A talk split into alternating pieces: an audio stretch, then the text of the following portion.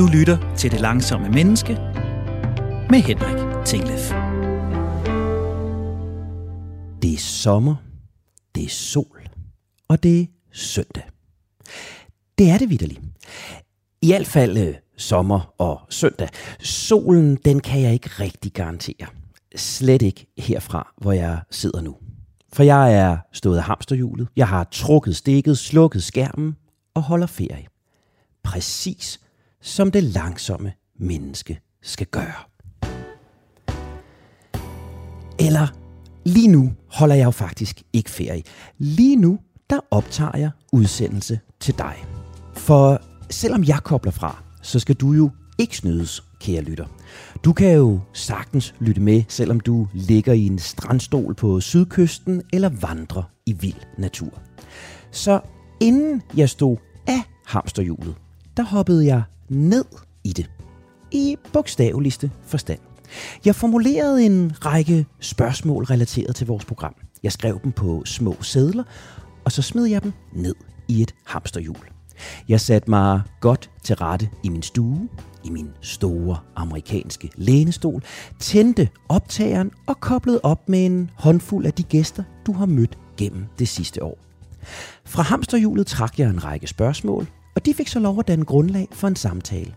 Ikke med gæsterne som eksperter, med dem som mennesker. Langsomlighedsfan og langsomlighedsfan imellem.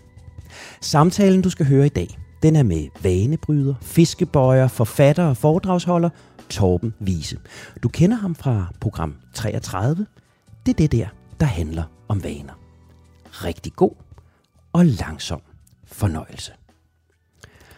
Og hej Torben, tak fordi du vil øh, komme ind i min stue til en øh, sommersluder. Tak Henrik, det har jeg glædet mig rigtig meget til. Det er, øh, du sidder lige nu, kan jeg se, øh, i øh, dit arbejdsværelse eller din stue med skøn udsigt til øh, naturen bag dig. Og, øh, og vi to, vi skal have sådan en hyggelig sluder i øh, ja. hamster, hamsterhjulets tegn her.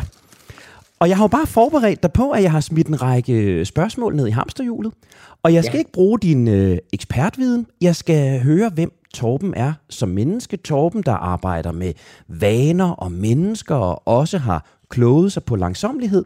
Så jeg tænker egentlig, at vi bare skal gå i gang, Torben. Så, så nu ja. drejer jeg drejer hjulet her på, øh, på bedste morgennæsserne øh, maner.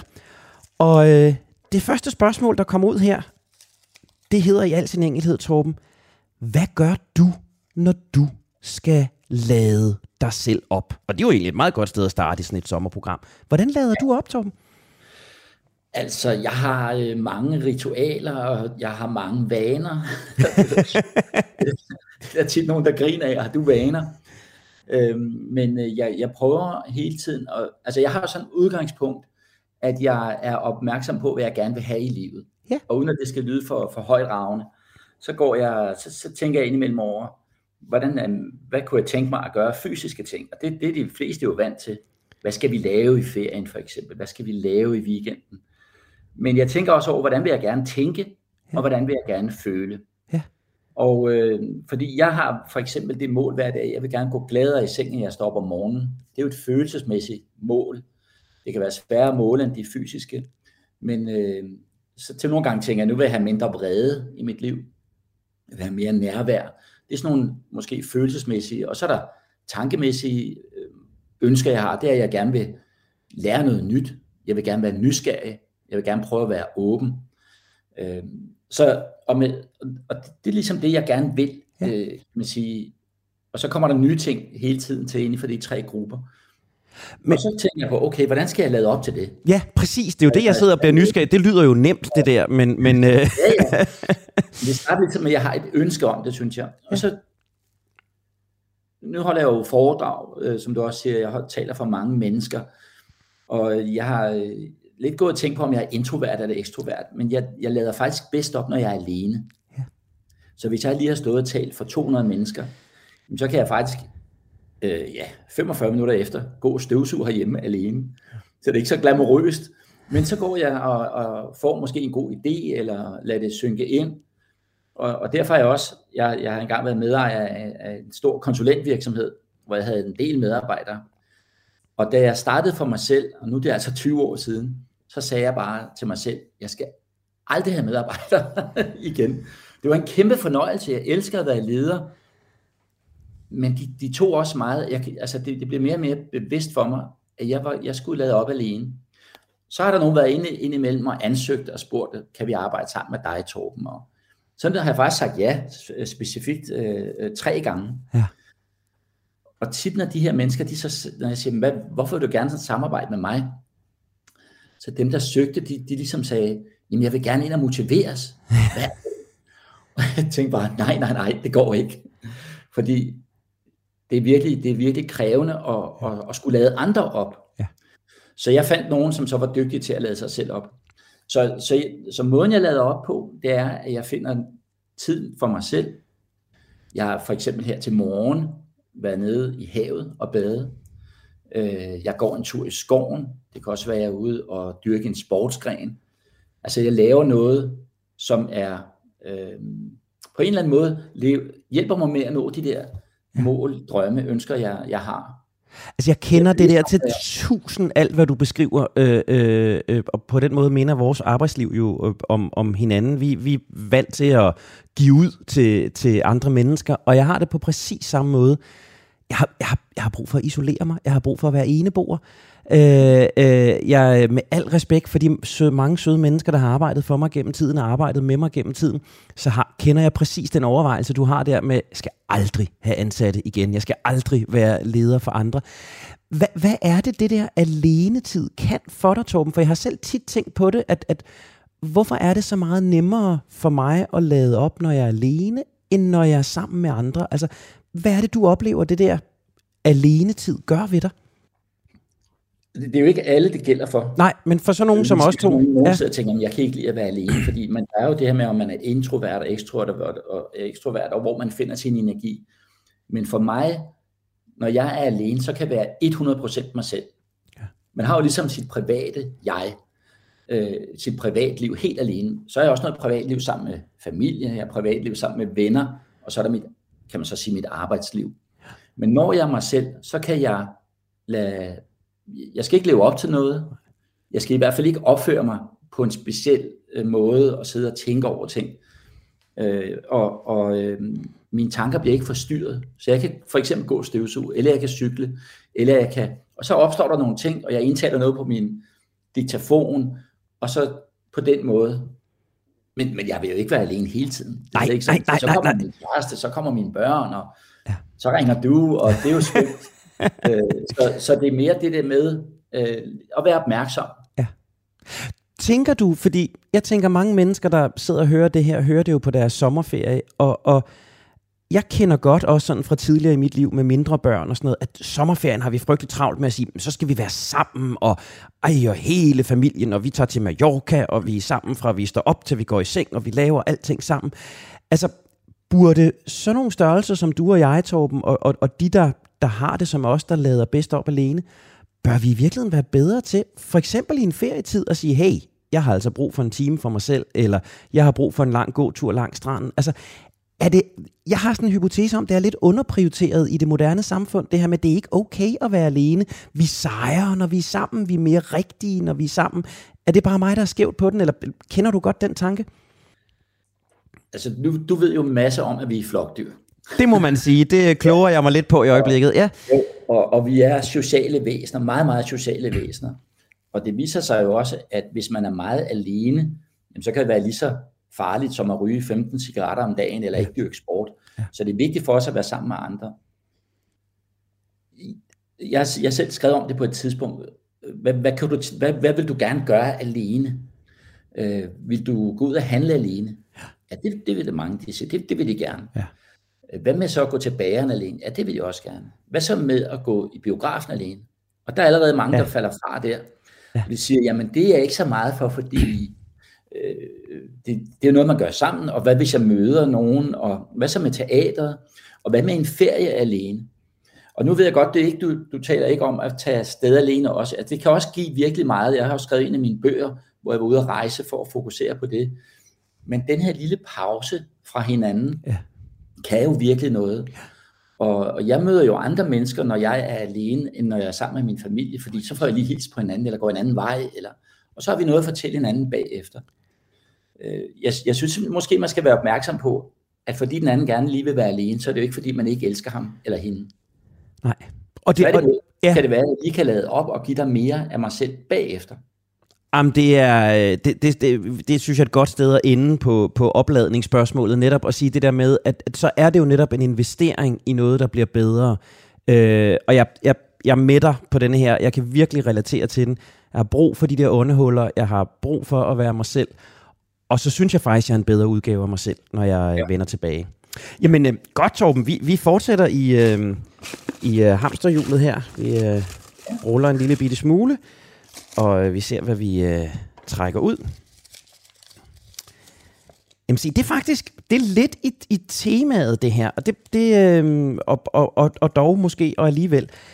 Øh, vi har jo haft et par programmer om at, øh, at spise, øh, forhold til mad, langsom spisning, og noget af det, der har gået igennem der, det har været noget med at danne minder og danne historier omkring måltider, at, at mad ikke bare bliver brændstof og føde, men at, at det bliver øh, en god oplevelse, og det bliver også noget, vi kan mindes. Så spørgsmålet her, øh, det er virkelig helt tilbage fra Lærke Kløvedal-programmet. Hvad er dit bedste minde om et måltid, Torben? Har du en, en god måltidshistorie? Jamen, det har jeg helt sikkert, fordi det er på min yndlingsrestaurant, og den ligger i Italien, i det område, der hedder Cinque Terre, det er de fem små byer. Ja. Og der er en restaurant, der hedder Restaurant Belforte, øh, helt ud ved havet, øh, på sådan en klippe. Og øh, der har de sådan en legendarisk tjener, som skifter hatte. Okay. Og, sådan, og, og, øh, og de laver fantastisk mad, og vinen smager bare bedre der. Og ham har jeg kendt igennem ja, 15 år.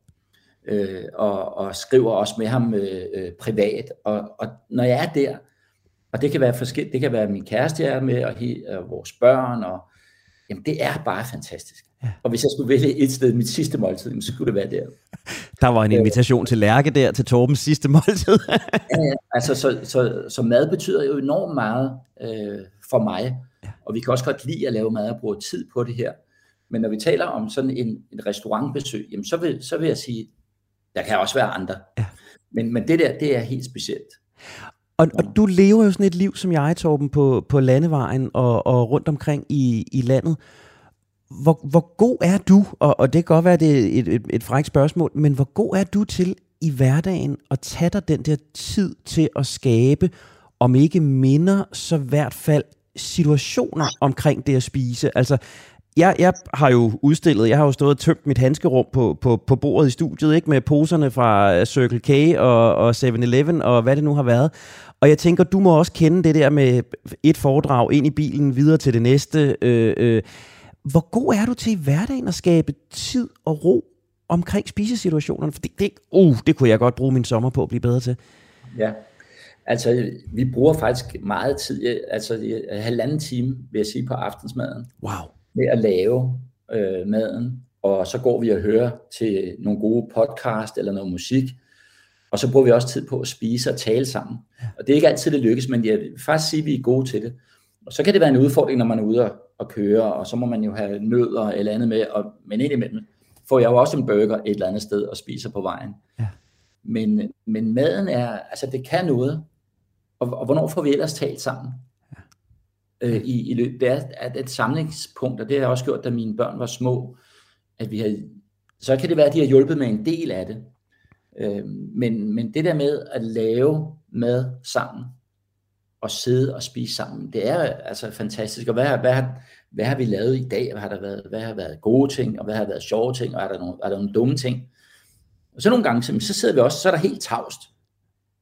Øh, og så lige pludselig kommer der noget alligevel, at vi taler om. Ikke?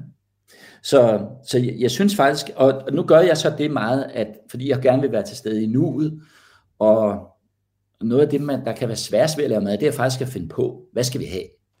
Så, øh, rigtigt, ja. nu har jeg jo meget fokus på de der vaner, øh, så vi ikke altid bare tager det samme. Så jeg bestiller øh, med stor glæde øh, sunde måltidskasser ja. øh, fra øh, Skagen, eller fra Årstiden, eller nogle andre, som, som har noget god mad. Det betyder, at jeg skal ikke tænke over det. Det kommer noget, og jeg kan, altså, vi kan stort set altid lide det. Og jeg skal heller ikke bruge tid på at handle ind, og så er det øh, sunde råvarer. Så vi skal egentlig koncentrere os om at lave maden. Og det er altså en, det, det er en kæmpe hjælp, og jeg tror, jeg både sparer ja, tid jo, men også øh, penge på det. Ja. Så Jamen, hvis man ikke har prøvet det, så, så prøv at give det et skud. Ja, men ved du hvad, det, det er, alle siger det jo, og alle gør det, og en eller anden mærkelig årsag, så, så jeg, er ikke, jeg er ikke rigtig rådet på den der øh, endnu, men, men, men det er virkelig et af de områder, jeg bliver ved med at være udfordret på, at mad bliver brændstof for mig. Øh, det er noget, der bare hurtigt skal ned, så kan jeg komme videre. Øh, og jeg er, rigtig, jeg er rigtig dårlig til at lave de der øh, spisesituationer. Altså, og, og, og, og det er jo pinligt at sige, men i virkeligheden også med mine børn. Altså fordi, så vil jeg hellere, at vi laver noget andet, eller at så bruger vi tiden på det her, eller så skal vi ud, eller øh, så har jeg jo unger, der dyrker sport hele tiden og sådan noget. Men, men, men øj, altså det, det kunne virkelig godt være et sommermål for mig, og især når du beskriver de der ting, altså fordi, ja, der skal, der skal, der skal sættes noget tid, der skal laves nogle rammer, øh, og det, ja, det, det tror jeg skal være en, en opfordring til mig selv og også til lytterne at sige, øh, lad os bruge den her sommer på at skabe nogle måltidsminder. Det, øh, det, tror, jeg, det tror jeg ja, godt. Og, og, og den tid, man alligevel måske, det er ikke fordi, man behøver at købe de der måltidskasser, og, og måske slet ikke i sommerferien, øh, for der, der, der er jo også mange muligheder for at gå ud og prøve nogle ting, eller kunne tage på stranden og spise, og, men, men, men det der, altså mad og ja, nu ser jeg så vin eller lidt vand at drikke, det kan bare noget. Ja. Øh, man, man bruger noget tid sammen, og får det der nærvær. Ja. Og, og, og øh, skal du så prøve de måltidskasser, så, så kommer den der tid, du, du bruger på at lave maden, det kommer mange folk igen, fordi det jo ikke skal ud og, og handle. Jamen, og jeg kan også huske en af de ting, jeg, jeg tog med mig fra, fra, de, fra det første måltidsprogram, vi lavede, var jo det her med, det øjeblik, vi bruger noget noget tid på også at spise og smage, så er der også pludselig nogle smagsoplevelser, som jeg godt kan se, jeg snyder mig for øh, i hverdagen. Ikke? Når mad bliver hurtig, så, så bliver det bare det, der er sødt og salt og fedt, der, der på en eller anden måde, øh, øh, det, det er så så stærke smage, at det rammer en. Men, men ja. der er pludselig råvarer, som, som man normalt ikke bruger, eller, eller madvarer, som man bilder sig ind, man ikke kan lide, men som man får en anden smagsoplevelse af, når man, når man tager sig tiden til det. Øhm, og nu er det et år siden snart, vi lavede det første måltidsprogram, og, og jeg, jeg får det ikke gjort nok endnu, så det er, øh, det, det er virkelig, det er virkelig en, øh, en, en reminder. Jamen, øh, tak for italiensk inspiration og måltidskasser. Lad os, øh, lad os inden vi skal, skal have lidt nyheder om 7-8 minutter, se om vi kan finde et spørgsmål øh, mere her. Lad os se i gang.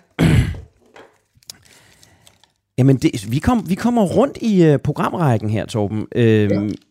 Jeg har skrevet her, uh, hvad har du senest været taknemmelig for? Vi uh, har jo talt med, med Anne Mette Sohn en, et, et par gange omkring taknemmelighed, taknemmelighed i hverdagen, det at være taknemmelig selv for det, at vi to kan sidde her nu i hver vores stue og tale sammen ved hjælp af noget ja. teknik og et, et, et cetera. Øhm, hvad har du senest været taknemmelig for i, i dit liv, Tom? Jamen, det kan jeg sige til dig allerede i dag. Jeg øh, kan i hvert fald konkret nævne to ting. Ja, fedt. Øh, det ene er, at jeg fik øh, afhentet i vores affaldscontainer herude med plastik og, og papir. Og, og jeg står, når jeg ser den mand, var det så i dag, der kom og hentede det her. jeg kunne høre det. Så står jeg og siger tak. Jeg står virkelig og siger tak ja. højt jeg råber det ikke ud. Øh, det var klokken 7 i morges, og resten af familien sov. Men jeg siger simpelthen tak, for at der er en mand, der kommer og gør det. Han har stået tidligt op. Ja. Og det, det lyder måske uh, tosset, men, men det, det, det siger jeg simpelthen. Uh, nu, nu var jeg så nede og bade før, og det, jeg siger også tak for det. Ja. Tak for, at jeg kan få lov, og at jeg er i en situation, hvor jeg så kan gå over vejen og gå ned og bade, ja. og, og se solen. Så, så jeg bruger meget det der med at, at se tingene og øh, uden at det bliver sådan pladeromantisk eller sådan. Men jeg er simpelthen bare øh, glad for at leve. Jeg har hørt, der er masser af tid bagefter. Og, og det, det er enormt ærgerligt, hvis man skal kun gå og være glad for de helt store ting. Ja. Altså, at, at man har fået et nyt job, eller fået en lønforhold, eller fået en ny bil, eller de ting er jeg også glad for. Men, men det er altså mange gange i, i, de, i de, nu kalder jeg det små ting, ja. men i virkeligheden er det måske store ting, men jeg kan høre solsorten synger, altså jeg går og fodrer solsorte her hele vinteren og fugle, så siger jeg, så kommer du og synger for mig til sommer, og det gør jeg. du har en lille aftale med fuglene der, ja. Ja, det er det sjovt med, ikke? Men øh, at, at øh, blomsterne springer ud, øh, dufte, smage. Øh, og, og så har jeg sådan en ting også i taknemmelighed, at når jeg, jeg var ude i forgårs aftes, hvor der var stjerneklar himmel, øh, så står jeg og siger tak. Jeg kigger op, og så tænker jeg på mine forældre, som desværre ikke lever mere. Jeg har så en idé om, når jeg ser måner og stjerner, så siger jeg hej far og mor. Ja. Og så siger jeg simpelthen tak. Ja. Øhm, og det er ikke sådan noget religiøst for mig, eller, eller noget på den måde. Jeg er bare glad for, øh, at jeg får lov at opleve det. Jamen, jeg synes, det er, det, det, man, man skulle næsten tro, at, at jeg havde præppet dig på det her, og det har jeg vidderlig ikke, fordi jeg, og, og, og jeg havde det jo også med Anne Mette, da vi, da vi talte om det. Far og mor op i, i stjernerne. Mine er her heldigvis endnu, men jeg kan godt følge, øh, jeg har noget med min mormor, hende nævner jeg også tit i programmet, det kan jeg godt følge, det uendelige øh, hils på mormor deroppe, jeg kan være taknemmelig for mine børn, jeg kan være, altså, det er meget relationelt, jeg kan blive taknemmelig. Hvordan pokker mønstrer du taknemmeligheden for, at skraldespanden bliver tømt, Torben? Altså, jeg ville så gerne, og når jeg siger det her med, teknikken virker og, og sådan noget, så er det fordi, det snakkede jeg blandt andet med Anne Mette om, men jeg er jo ved Gud ikke taknemmelig for det. Jeg, det er sgu da fedt, og det er rart, og vi kan sidde her og alt muligt andet. Hvordan mønstrer du den der taknemmelighed for, at din skraldespand bliver tømt? Altså, det, det kommer også, måske også an på, hvad man lægger i ordet taknemmelig. Øh, men øh, det er jo faktisk altså, øh, øh, dejligt at leve i et samfund, hvor det sker. Rigtigt. Øh, så skal jeg ikke bruge tid på det, og, og så kan jeg bruge tid på noget andet. Altså jeg er også taknemmelig for, at der er nogen, der smiler til mig, eller øh, det her øh, i morges, øh, øh, en, mand, der jeg kender, som er min genbo, han vinkede til mig, han var nede ad vejen. Det, det, det er jeg da glad for. Og får du tak-tanken der, eller, eller er det, når du sidder nu og efterrationaliserer med mig nogle timer efter, tænker du tak, når, når, når han smiler og vinker til dig? Jeg ved ikke, om jeg lige tænker tak. Nej. Jeg, jeg, jeg tænker, jeg er glad for, altså lige med det med affaldsbeholderen, ja. der stod jeg og sagde tak. det er fantastisk. Jeg, jeg cyklede forbi, og han så mig 50 meter væk, tænkte jeg måske ikke tak, men jeg tænkte, hvor er det dejligt. Han ser mig. Ja. Og, og altså i går, der, der, der var min kæreste på arbejde, og jeg skrev til hende, tak fordi jeg må være i dit liv. Ja. Øh, og det er lige det der, stoppe op og så sige, hvad er du glad for lige nu, Henrik? Ja. Hvad er du glad for lige nu i dit liv? Og det kan man lytte, som lytter jo også sige, hvad er du glad for lige nu? Ja.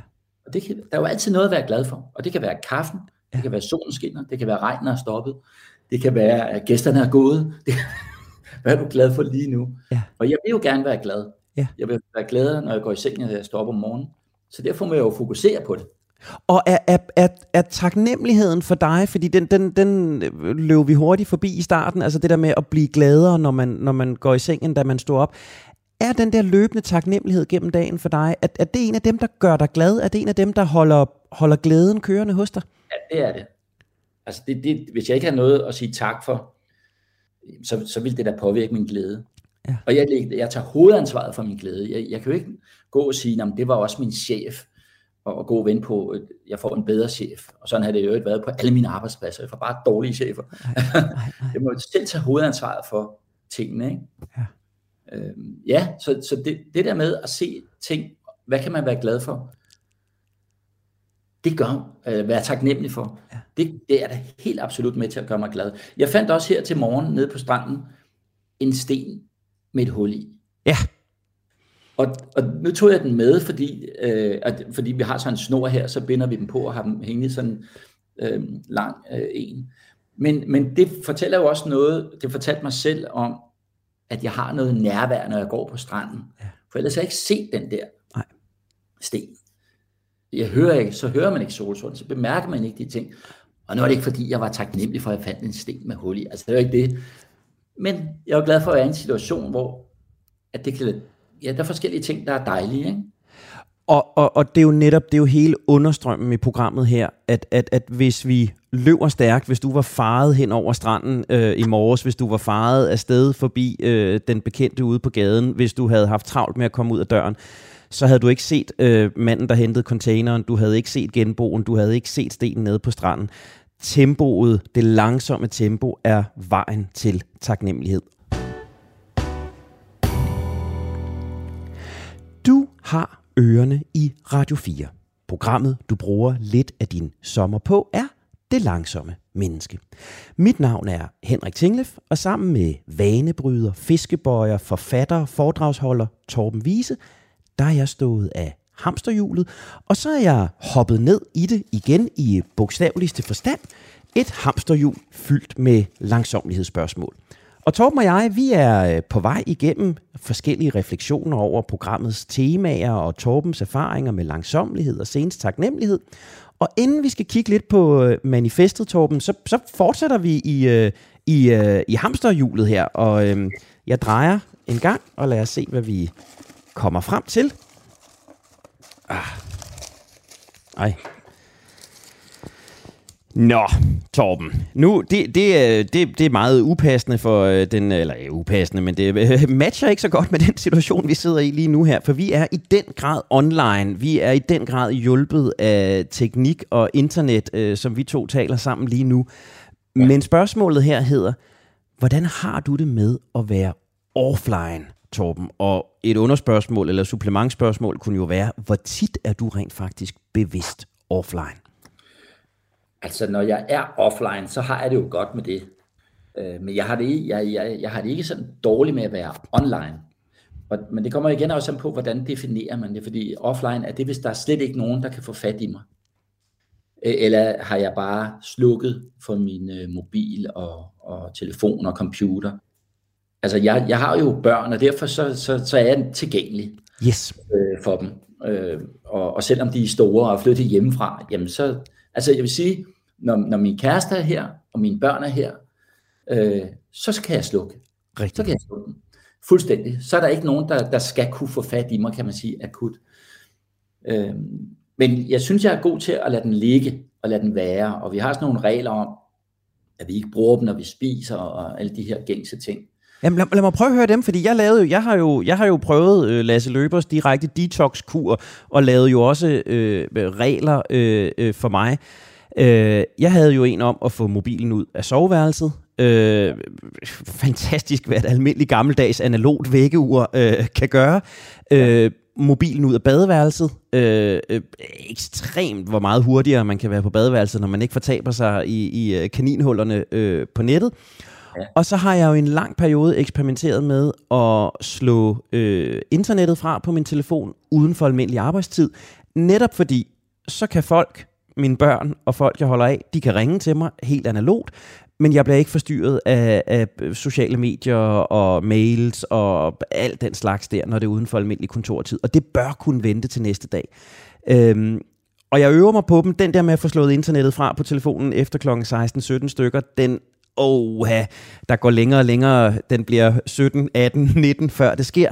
Ja. Øh, den, den, den, den drifter lidt for mig.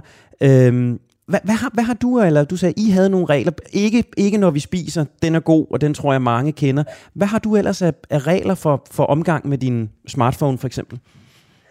Altså det der er med de her uh, smartphones efterhånden, det er jo, at det er jo meget mere end en telefon. Ja. Den kan jo også lige lave min vejrudsigt, jeg kan booke en golftid, jeg kan, uh, jeg kan uh, til en bageopskrift og, og så videre. Så derfor, jeg synes også, man skal da lige passe på med ikke at, at og fuldstændig hænge den ud. Ja. For det, det er jo en del af vores liv nu. Men det, det hele drejer sig om, det er jo at være, for, som jeg synes det, at være nærværende. Ja.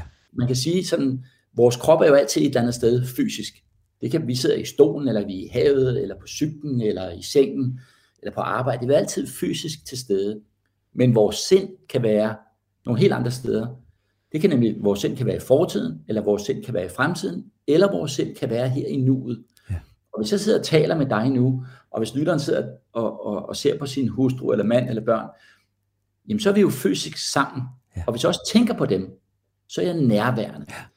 Udfordringen med ting, der forstyrrer os, telefonen eller, eller for den sags skyld øh, naboen, der banker på, jamen det er, at jeg bliver revet ud af nuet. Og, og jeg tror ikke altid, man kan være 100% til stede endnu. Jo, hvis man er øh, sidder i... i, i Lotusstilling og... afhule, øh, men det, det gør vi jo ikke. Nej. Så hvis man kan lære at sige nej til lyde, hvis man, og så kan man jo slå dem fra. Hvis man kan få den her impulskontrol, ja. behovsudsættelse, ja. for at sige, nu lader jeg være at læse den her telefonbesked, jeg lader være at tage og, og, og, fordi den blinker. Og der skal man jo så nogle gange lægge den væk som et middel til, til det. Men, men det er meget med at sige, jeg vil, hvad vil jeg gerne? Jeg vil gerne være til stede i nuet. Ja. Det betyder ikke, at det går langsomt. Men jeg vil have nærvær. Jeg vil udvide nuet. Men for mange mennesker, så er de, så er de midt i noget øh, fysisk, men deres tanker er på det næste. Ja. Men der kommer aldrig mere nu end nu. Altså jeg møder mange mennesker, som går og venter på noget nu. Ja. Øh, øh, og, og som en sagde øh, på en uddannelse, jeg holdt, hun var cirka 40, så siger hun, Torben, når jeg bliver gammel, så vil jeg. Og så siger jeg, prøv lige at stoppe en gang. Why det wait? Være, det kan være, at du er gammel, siger jeg så til hende. Og, og det, det ødelagde lige stemningen der. Men nogle gange så lever vi livet som om, at vi har uanede mængder af fremtid, og det har vi ikke. Nej. Nuet er her og nu, og livet leves i nuet. Og derfor synes jeg, det er så vigtigt at tænke over, hvilke ting forstyrrer mig. Ja. Hvad, hvad forstyrrer mit nu? Og jeg vil lige sige til lytterne, det der med at være til stede nuet for mit vedkommende, det er ikke noget med at sidde i rundkreds med røgelsespinder og sige senden. Det kan det måske være nogle dage, men det er simpelthen et spørgsmål om at, at, at opleve det liv, der er her og nu. Ja. Det er at lytte, det er at dufte, det er at mærke sine tanker, det er at tænke over, hvad føler jeg, det er at lære noget nyt. Det, det, og det kan vi ikke, hvis vi hele tiden bliver forstyrret. Nej. Så billigt talt, så tager jeg sådan hænderne ud til siden, strækker armene ud til siden, udvider nuet. Hvis jeg gerne vil det, så må jeg fjerne ting, der forstyrrer mig. Øh, og, og der kan man så slukke for telefonen, eller sætte den på lydløs, eller lægge den ud. Øhm, og så er der nogle gange, hvor, hvor jeg glemmer den, eller jeg kommer til at lægge den i bagagerummet. I, altså, ja. øh, måske banalt. Og det er, jo, det er jo faktisk rigtig dejligt at kunne køre en tur på helt gammeldags manér. Ja. Og slet ikke, øh, nu klikker jeg jo aldrig på telefonen, når jeg kører, ikke? Men, men I hvert fald ikke officielt. det kan i hvert fald ikke forstyrre mig ved at ringe. Nej. Ej, men, det, men det er, jo, det er jo, jeg synes jo, det er en mega vigtig pointe det her, fordi jeg oplevede jo det samme, at, at jeg havde jo sådan 14 dages total detox, og hold da op, hvor havde jeg mange problemer. Altså, jeg, jeg stod jo pludselig op i Sverige og havde ikke mit visakort, fordi jeg har sådan noget Visa Elektron noget, der plejer at være på min, min telefon, ikke? Og, og øh, øh, øh, min store datter går meget op i Too Good To Go og, og bæredygtig øh, at hente mad og sådan noget. Plus den der app kunne jeg jo ikke bruge, fordi det var jo efter almindelig kontortid og sådan noget. Og du er fuldstændig rigtigt, at den kan andet. Og, og, og den er blevet så integreret en del af vores liv. Men jeg synes jo, du siger noget super vigtigt her med, det er jo et spørgsmål om at tage magten over de der notifikationer, ikke? Fordi jeg kan da godt tage mig selv i at sidde i en samtale, og så ser jeg min telefon lyse op eller blinke, og indtil jeg har tjekket, hvad det er, yeah. så er jeg slet ikke nærværende i den samtale. Altså, så er det rent skuespil, at jeg sidder og taler med dig, hvis jeg kan se, at min telefon har blinket dernede. Altså, det er ikke engang lyden. Hvis jeg ser lyset, hvis jeg ser, at der kommer et eller andet op på skærmen. Jeg har lige brug for at tjekke, øh, hvad det er. Og der er jo i hvert fald noget behovsudskydelse, noget impulskontrol, øh, som, som er langt vigtigere end hvad er det egentlig for regler, eller hvor mange timer, eller hvilke tidspunkter, eller hvornår øh, bruger vi den. Og jeg tænker, Torben, et, et, et, et oplagt opfølgende spørgsmål på, på det her er jo også, mennesker, der hører det her nu, holder for, for ret stor sandsynlighed sommerferie. Hvad med det der online, offline og sommerferie? Og her tænker jeg det arbejdsrelaterede. Ja. Er du tilhænger af den, der hedder, det stresser mig, hvis jeg ikke lige følger med i min arbejdsmail hen over ferien, for så kommer jeg hjem efter 14 dage på Mallorca, og det hele vælter? Eller er du tilhænger af den, der, der hedder, jeg skal virkelig holde fri, når jeg holder fri, så skal jeg ikke være på arbejde. Hvis jeg hele tiden tjekker lidt mails, når jeg er på ferie, så har jeg jo hele tiden arbejdet med. Hvad, hvad du personligt tilhænger af, af, de der strategier? Er det væk med arbejdsmail og arbejdsopkald, når vi er på ferie? Eller er det lige at holde fingeren på pulsen, så ikke vi stresser, når vi kommer tilbage? Jeg er tilhænger af, at når man holder ferie, så holder man ferie. Altså, det, det, det er jo lidt, man kan sige, når vi er selvstændige, så kan der være nogle ting, som er, er, er vigtige at få svaret, fordi vi, er kun os til at gøre det. Ikke? Ja. Men, men, men, men øh, mange for eksempel har tre ugers ferie. Ja. Den første uge, den, den, den bruger de på at, at, at slippe arbejdet, mails øh, reduceres, så folk finder ud af, okay, hun er på ferie. Så har man en uge i, i nuet, øh, hvor man nyder ferien. Og, og så har jeg hørt jo på mange ferie, øh, folk siger så i, starten af den tredje uge, nu er der kun seks dage tilbage, ja. nu er der kun fem dage tilbage, nu er der kun fire dage. Man begynder lige at tjekke mailen. Øh, og, og det vil sige, at man har en uge til stede i nuet. Og jeg, jeg sætter ikke engang på spidsen, jeg ser så mange steder, der, der, må, der må man jo have et arbejde med at indføre en kultur i sit liv og i sit arbejde, at når vi holder ferie, så holder vi ferie. Ja. Og så det vil jeg ikke sige, der kan jo være jobs, hvor man siger, der sker noget fuldstændig akut, det er dig, der har koden, mm. det hele brænder, så må man have fat i, i folk, ikke? Men, øhm, men hvis du har ferie i tre uger, så tag tre uger i nuet. Ja. Øh, og, og, og så kommer du øvrigt også tilbage i, i en bedre form. Ja. Jamen, det er jo i virkeligheden, som vi talte om, om alenetiden før, det er jo lidt det samme, ikke? At sige, det her det er en investering i at være, være mere opladet, være, være en bedre udgave af jer selv. Hvad, hvad vil være dit bedste råd, Torben? Og nu, nu spørger jeg måske også lidt som, som ekspert, og ikke bare som, som person, Torben. Men, men jeg kender rigtig mange mennesker, der, der har det der argument, og jeg har selv haft det. Det, der hedder, jamen det stresser mig meget mere, ikke lige at røre ved min mail øh, en gang om dagen i min ferie. Det kan jeg godt. Jeg står op før familien, så sidder jeg lige og tjekker mails mellem 7 og 8, og så pakker jeg ned, og når familien står op, jamen så er jeg klar til at holde ferie hele dagen. Øh, øh, du taler nu for total ferie. Hvad vil, være, hvad vil være dit budskab? Hvad vil være dit faglige råd til de mennesker, der har den der tanke? Øh, jeg bruger lige en time om dagen. Øh, snyder de sig selv? Gør de det i virkeligheden meget værre? Eller, eller hvad er det for et argument, de skal høre for måske at, at, at fravige for den øh, strategi? Det kan både være noget, de skal tale med deres arbejdsplads om, og så kan det være noget, de skal tale med ja, sig selv og familien om. Ja. Øh, for det er klart, at hvis det er et krav fra arbejde, og chefen hele tiden øh, sender mails osv., så, så er det en udfordring. Men man kunne jo så prøve øh, på ren øh, afvendingsvis at sige, jamen øh, i dag prøver jeg at lade være at åbne, eller i dag tager jeg kun et kvarter. Og så man gør det på et fast tidspunkt. Altså, så det er ikke sådan, at i løbet af dagen slår notifikationerne fra i, i ferietiden. Og så måske tænker, okay, hvad er det værste, der kan ske? Hvis jeg er i en situation og tænker, hvad er det værste, der kan ske, hvis jeg ikke svarer? Og så kan jeg tænke det igennem og sige, okay, det var ikke værre end det, så lader jeg være. Eller hvad er det bedste, der kan ske, hvis jeg ikke svarer?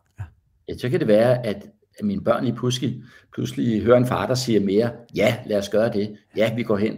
Ja, vi lader være at gå tidligt i seng i aften. Ja, vi skal ind og grille på stranden, eller hvad det er. At man griber nuet. Ja. Øhm, det, det, det er også det her med, at man siger, jeg, jeg, jeg beslutter det her på mandag, eller jeg tænker ikke, når jeg kører over den her å, tænker jeg ikke mere på det her. Der kan være forskellige ting, der hjælper en til at få lagt ting, de her sådan, ting væk. Ja. At man beslutter, siger, okay, jeg gør det ikke i dag, jeg gør det på mandag, eller ja. i morgen, ja. hvad det nu er. Øhm, men jeg kan, men, godt, jeg kan godt lide din afvendingsreference øh, øh, øh, der, ikke? Altså, fordi jeg gjorde det, og, og, og det er jo virkelig en vigtig historie at, at fortælle. Altså, jeg tog, det, det er snart, hvad er det, en 5-6 år siden, jeg tog en sommerferie, og den dag, jeg gik på ferie, der slettede jeg mail-appen øh, på min telefon. Ja. Så jeg simpelthen ikke havde fysisk adgang til den. Jeg havde ikke min øh, arbejdscomputer øh, med på arbejde, så jeg, jeg, jeg kunne simpelthen ikke tilgå den. Det var et helvede. Altså, jeg, jeg, jeg havde 14 dages ferie. Øh, det var på Mallorca. Jeg var ved at dø. Altså, øh, øh, det var jeg virkelig. Jeg havde abstinenser. Øh, hver gang jeg havde min telefon i hånden, som jeg jo brugte som telefon, så søgte jeg efter øh, mail-appen. Jeg overvejede seriøst at, at lave alle mulige cloud-forbindelser og alt muligt for at få adgang til det. Øh, og jeg var sikker på, at verden var væltet omkring mig, og der var ting, jeg ikke havde set, og ting, jeg ikke havde fået gjort. Jeg holdt de 14 dage, jeg var afsted. Da jeg så kom hjem øh, og havde den der uges ferie tilbage, hvor, hvor folk begynder, som, som du fuldstændig siger, så gik jeg, og jeg kan huske det, jeg sad på mit hjemmekontor og åbnede min computer, mine fingre rystede. Altså, jeg var helt sikker på, at altså, skattevæsenet havde været der, og jeg havde en kæmpe skattegæld, og, og, og øh, 10 projekter omkring mig var brudt sammen, og jeg ville have sure kunder og alt muligt andet. Og jeg kan stadigvæk huske, der stod 214 mails sådan op i den der ubesvarede der, og mit hjerte sad i halsen. Og så begyndte jeg at scrolle ned igennem dem, og det er en sandfærdig historie, det her. Torben, der var ikke en eneste, der havde krævet min opmærksomhed. Der var 214 mails, ja. og der var ikke en eneste, som jeg, som jeg ikke bare kunne trykke delete, eller sige okay, eller altså sige, det kigger jeg på efter ferien. Ja men hold kæft, hvor havde jeg det dårligt i de 14. Altså, jeg, jeg tænkte 10 gange mere på det, end jeg ellers ville have gjort. Og det er jo derfor, man ikke får så vendt af med det. Men det virkede, og jeg har faktisk ikke tjekket mails i min ferie siden. Man kan sige, det vi taler om nu med mails, det er jo en fysisk ting. Ja. En, en vane ting. Og når vi klikker på den, så udløser det sådan nogle stoffer i kroppen, og man får en tryghedsfølelse. Ja. så den er jo til at få øje på, men lige sådan som du og jeg måske har med mails, vi vil gerne lige se, hvad der er. Sådan kan man jo også have tanker, vanemæssige tanker, ja. øh, der, der, der, som ødelægger det for en. Øh, at man tænker, at det hele skal være i orden, eller huset skal være lige så pænt, så hvis der kom gæster, så er det altid så ud som om, de var vel, eller vi ventede dem, og alle mulige, ja, nu vil jeg ikke kalde det tvangstanker, men man har normer, regler, alle mulige ting, som på samme måde som en mail-app, kan trække en ud af nuet. Ja. Og, og vi vil gerne være det langsomme menneske. Vi kan jo faktisk godt lave ting meget hurtigt. Altså nu for eksempel, jeg kitesurfer, og der er jeg altid offline. Ja. Det går ret hurtigt nogle gange. Ja. øhm, men min hjerne, den er helt nede i tempo. Ja. Så for mig, det langsomme menneske er ikke bare et spørgsmål om at, at gå langsomt. Altså, det er et spørgsmål, hvad sker der inden i mig? Nogle gange sidder man også langsomt, ikke? Ja. Men det er det der med at se på sig selv og se, okay, jeg har mail som en fysisk ting. Jeg, jeg har de tanker, som, som irriterer mit nu. Og så kan det være nogle følelsesmæssige ting. Jeg bliver altid utryg, eller den person gør mig vred, eller altså det, vi har jo alle sammen sådan nogle, nu kan vi kalde det trigger, eller nu er det jo dig, der er psykolog, men, men, men ting, som ligesom vi reagerer på. Og kan vi begynde at give slip på de, få øje på dem, punkt 1, og så selv begynde at give slip, så kan vi altså udvide nuet, og, og få meget mere nærvær ind i livet, og bruge tiden på det, som i virkeligheden er sjovt. Og jeg synes jo, det er et vigtigt billede, du siger. Vi kan jo godt være langsomme indeni, mens det går hurtigt omkring os, og, og kitesurfing er et godt billede på det. Du kan vælte rundt der i bølgesprøjt og skum og flyve op i luften, men du kan jo være fuldstændig stillestående indeni i princippet.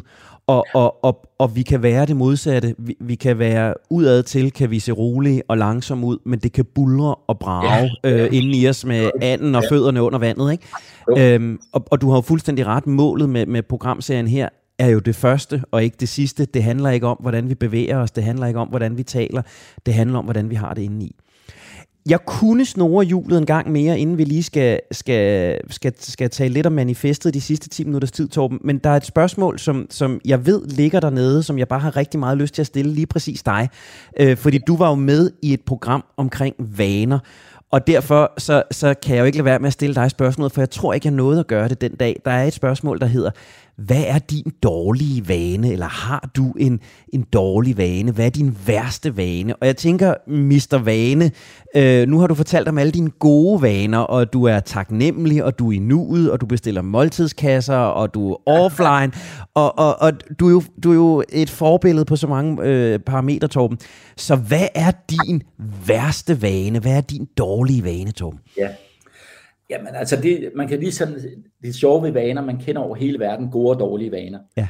Men når man så siger, hvad er egentlig en god vane? Så, så er der mange, der siger, ja, hvad er egentlig en god vane? Fordi vi, vi er jo opdraget til, hvad er godt og dårligt i mange situationer. Men gode vaner hjælper os til at nå vores mål og drømme.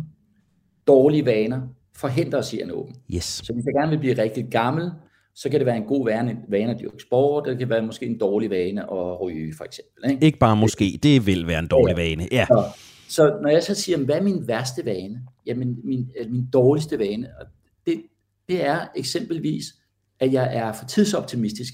Uh, velkommen i klubben. Jeg kommer, for sent, jeg kommer for sent ud af døren nogle gange. Og det betyder jo, at hvorfor er det så en dårlig vane for mig? Jamen det kan betyde, at jeg, jeg får en køretur, hvor jeg ikke er til stede i nuet. Ja. Og hvis jeg ikke er til stede i nuet, nærværende, så er jeg måske ikke lige så glad. Altså for ligesom at lave den tankerække. Så når jeg kigger på, hvad er mine værste vaner, mine gode og dårlige vaner, så er det altid hængt op på, hvad vil jeg gerne have i livet. Øh, og hvad har jeg i øvrigt lovet andre, og hvad skal jeg være i samfundet.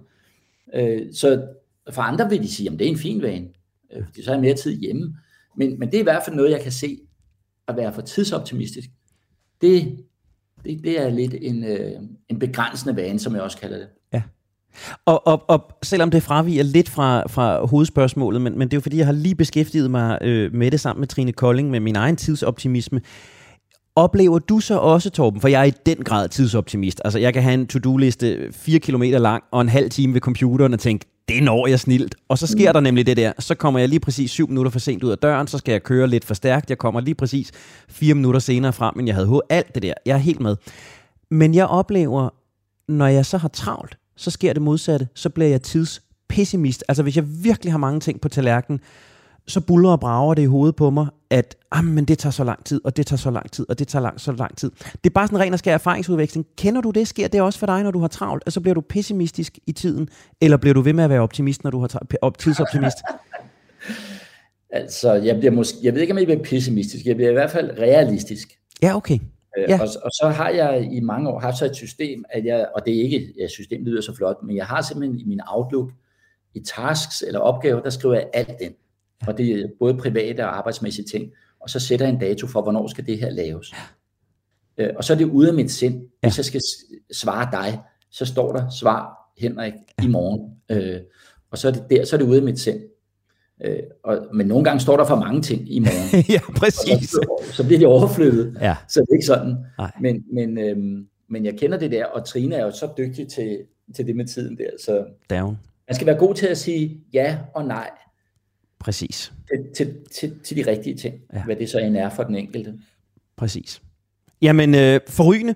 Vi har, øh, vi har små 10 minutter tilbage af, af vores øh, sommersluder her, øh, Torben, og øh, jeg kunne jo godt tænke mig at røre lidt ved det, som vi i virkeligheden lavede øh, sidste sommer, hvor vi jo brugte 10 programmer på at lave manifestet for det langsomme menneske. Og jeg har sendt manifestet til dig, og jeg har bedt dig om at kigge lidt på, hvad kunne være en god manifestsætning for dig selv at fokusere på? Hvad vil du råde lytterne til at fokusere på? Og hvad mener du generelt, vi som land, som samfund, som, som folk skal, skal være mere opmærksom på? Og jeg ved selvfølgelig godt, at det er oplagt at sige, at jeg synes jo, det er det samme, der er gældende for os alle sammen, men, men betragt lige så meget det her som en, en, en opfordring til at både for os selv og lytterne op og kigge lidt ned i, i manifestet i, ja. igen. Så, så lad os starte med dig selv, Torben. Det er jo altid et godt sted at starte. Når du sådan kigger ned over vores, øh, vores 10 udsagn, regler og parametre her, hvad tænker du så er vigtigt for dig at være mere opmærksom på i skal vi kalde det, det efterår, der, der ligger foran os her efter sommerferien? Altså det, som er, jeg synes, der, der er allervigtigst af alle emne, det er nummer syv, at vi skal leve i nuet. Det har du sagt mange gange, ja. Og, og, og jeg synes også, jeg er, er god til det, men det er sådan noget, man skal øve sig i hele tiden. Ja. Øhm, Master Fatman sagde, øh, hver sekund dit sind er i fortiden, mister du i nuet. Øh, men mange af os går og tænker på noget, der er sket tidligere. Øh, jeg kan også sidde sammen med dig og glæde mig til noget. Det, det, det kalder man forventningens glæde. Og den er jo dejlig at have, med at møde mennesker, øh, som, som har, der glæder sig mere til noget end over noget. Altså de glæder sig mere til, det bliver sommer. Glæder sig mere til, man skal have mad. Glæder sig mere til, det bliver jul. Og så når, man, når det er jul, så kan man sidde og glæde sig til det overstået. Altså for, forventningens glæde må aldrig overstige nuets glæde. Så, og hvis jeg sidder og glæder mig til, hvad jeg skal her om nogle timer, så kan jeg ikke glæde mig, når, øh, så kan jeg ikke mærke, hvordan er det her. Og det, der sker om nogle timer, det er slet ikke sikkert, at det bliver, som jeg troede. Så kan man så sige, forventningsglæde, det er dog en dejlig følelse. Men hvad så med forventningens frygt? Ja. Forventningens øh, øh, øh bange anelser. Man går ja. og, og er nervøs over et eller andet. Hvordan skal det gå med klimaet? Hvordan skal det gå med mit job? Hvordan skal det gå, hvis vi ikke når flyveren? Hvordan skal det gå med alt muligt? Og når jeg har de her øh, øh, forventningens øh, frygt, jamen, så er jeg heller ikke til stede endnu. Så det er jo et spørgsmål om at sige, okay, hvis jeg har det der forventningens frygt, øh, jeg ser nogle problemer i fremtiden, så tænk over, okay, hvis det sker, hvad gør jeg så? Så gør jeg det her. Ja. Godt, så det er besluttet, så tilbage til nuet. Det giver så, god mening. Lad os, øh, hvad er dit bedste råd til andre, Torben? Øh, det næste, det jeg ville tage til, øh, altså, det er det her med at have opmærksomhed i centrum. Ja. At, og og det, det er jo fordi, jeg synes, det er vigtigt med, med og, er der noget, man skal forandre, og det kan vi kun, hvis vi er opmærksomme. At vi ser ting. Er vi ikke opmærksomme, så kører vi på vanen ja. øh, og skøjter hen over tingene, og det er slet ikke sikkert, at det er det bedste, vi kan gøre for os, eller familien, eller arbejdspladsen, eller hvor vi nu er. Så det vil være nummer to, have opmærksomhed i centrum. Og Torben, jeg skal jo være ærlig og sige, at vi to har snakket sådan, at jeg har mistet overblikket over tiden. Vi har faktisk kun et minut tilbage af vores øh, udsendelse, øh, øh, for jeg har bare nyt alle dine, dine betragtninger. Så lad os lige lynbørge, Torben, få, øh, hvad er dit råd til os som folk, os som samfund? Hvad skal vi tage fra manifestet? Det vil være den, der hedder træf bevidste valg og søge kritisk involvering. Fordi så igen, så er vi med til at bryde vanen og når vi søger kritisk involvering, så er vi ydmyge og lytter til andre. Og andre kan se en masse ting, vi ikke selv kan se. Vanebryder, det er jo det bedste sted at stoppe. Fiskebøjer, forfatter og foredragsholder Torben Vise. Tusind tak, fordi du ville sommersluder med mig. Det har været en udsigt fornøjelse. Tak. Lige måde. Og der løb tiden. Den løb i den grad for os i sommersnakken. Vi skal lyn hurtigt ud af hamsterhjulet, så vi kan holde ferie, så vi kan holde fri, og så vi kan koble fra og være i nuet. Husk, at du altid kan lytte eller genlytte alle udgaver af Det Langsomme Menneske i Radio 4-appen, som du finder i App Store eller på Google Play. Og husk, at du også altid kan sende os kommentarer og input på langsom radio4.dk. Tak, fordi du har investeret både din sommertid og din opmærksomhed i os. Jeg hedder Henrik Tinglef, og jeg vil fortsat tage mig tid til at blive det langsomme menneske.